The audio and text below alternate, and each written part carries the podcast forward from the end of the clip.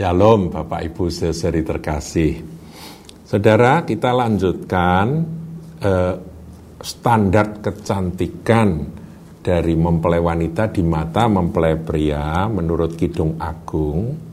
Kalau kemarin kita sudah bahas ayat 2 yaitu gigi, sekarang kita masuk ke bibir dan mulut, saudara ya. Um, Kidung Agung 4 ayat 3, satu ayat ini akan kita coba uraikan maknanya. Bagaikan seutas pita kirmisi bibirmu. Jadi mempelai pria mengagumi kecantikan dari pengantinnya, mempelainya, kekasihnya dengan mengatakan, membandingkan bibirmu itu seperti seutas pita kirmisi dan elok mulutmu bagaikan belahan buah delima pelipismu di balik telekungmu. Ya jadi di sini bibir mulut kemudian juga eh, bagaikan belahan buah delima pelipismu. Kata pelipis itu bisa juga diterjemahkan pipi saudara bagian samping dari wajah gitu ya. Itu bagaikan belahan buah delima di balik telekungmu. Tadi pakai telekung. Telekung itu apa ya? Cadar, saudaraku. Apa sih maknanya kecantikan dari mempelai wanita kok digambarkan sebagai uh, apa? Kir, pita kirmisi ya bibirnya. Begini, saudaraku. Berbicara itu selalu pakai bibir, saudaraku. Bibir ini adalah uh, alat untuk mengekspresikan kata-kata, yaitu berbicara. Jadi kalau gigi merupakan alat untuk mengunyah, mencerna, melembutkan untuk sebelum ditelan makanan itu, ya melembutkan, mencerna makanan, maka bibir merupakan alat untuk mengekspresikan apa yang telah kita terima. Jadi gigi ngunyah makanan, makanan sudah diterima, maka yang diekspresikan keluar itu apa? Digambarkan seperti pita kirmisi. Kirmisi itu e, benang yang berwarna merah, saudaraku ya. Itu kalau dalam dalam versi King James itu bagai seutas pita kirmisi bibirmu itu ya kemudian dan elok mulutmu itu elok mulutmu itu di dalam versi King James your speech. Jadi elok perkataanmu. Karena memang bibir ini untuk bicara saudaraku ya. Saudara mendengarkan saya ngomong gini ini kan dari bibir yang bergerak-gerak saudaraku.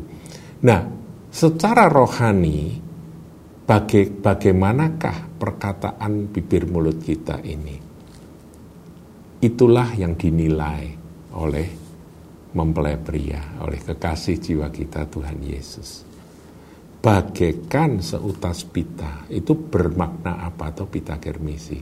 Nah, saudara ingat akan kisah eh, Rahab, saudaraku, seorang perempuan sundal yang tinggal di di ini apa Yeriko ya kan?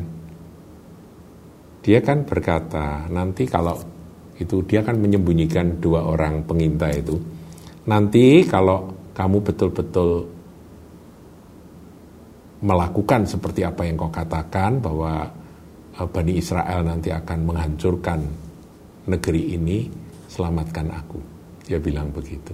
Nah kemudian perjanjian itu diadakan dan Rahab disuruh uh, menaruh seutas benang kirmisi.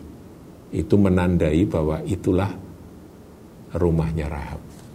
Dan benar, janji itu akhirnya digenapi seraku ketika Yeriko dihancurkan, ambruk ya karena setelah dikelilingi itu Yeriko runtuh, tembok Yeriko runtuh dan semua penduduknya dikalahkan. Um, Rahab diselamatkan dan akhirnya Rahab diperistri oleh salah satu dari dua pengintai tadi. Dan yang luar biasa nama Rahab itu malah masuk di dalam daftar silsilah Tuhan Yesus. Luar biasa ya. Ya.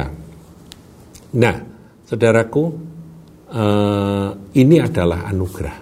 Itu ada di dalam Yosua pasal 2 ayat 21. Saudara, eh, kisah Rahab yang mengikatkan tali kermisi di jendelanya itu.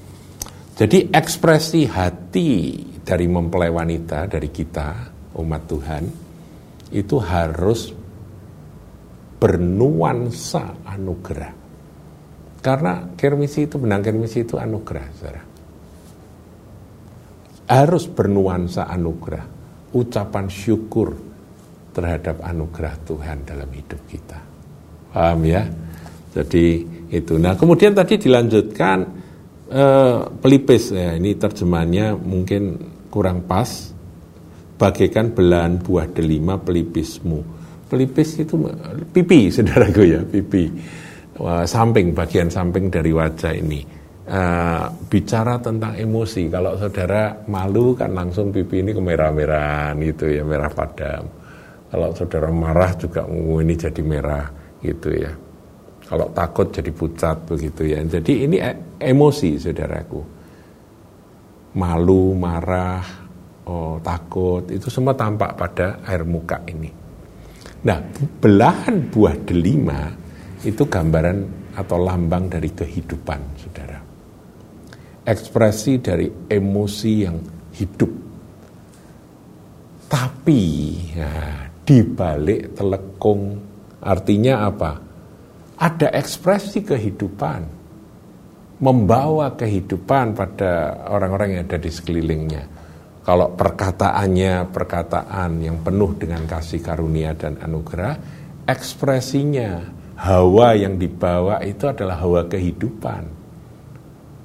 Tetapi di balik telekung, artinya apa? Ada penguasaan diri. Ada kerudung yang lam, melambangkan akan self control gitu saudaraku. Inilah kecantikan dari mempelai wanita. Ya kalau saudara pelajari Kidung Agung ini memang dalam, saudaraku ya. Tetapi apakah kita sudah cantik di mata kekasih kita, mempelai pria kita? Nah itu pertanyaan, saudaraku. Gigi, apakah sudah seimbang? Apakah sudah bisa mengunyah dengan uh, benar artinya dengan pengertian rohani, pemahaman rohani, bukan natural. Apakah perkataan kita penuh kasih karunia, ucapan syukur, dan apakah gitu ya, apakah kita ini punya emosi yang membawa kehidupan tetapi kita bisa menguasai diri, itu semua gambaran dari mempelai wanita yang dikatakan cantik menurut pandangan mata mempelai pria. Tuhan Yesus berkati.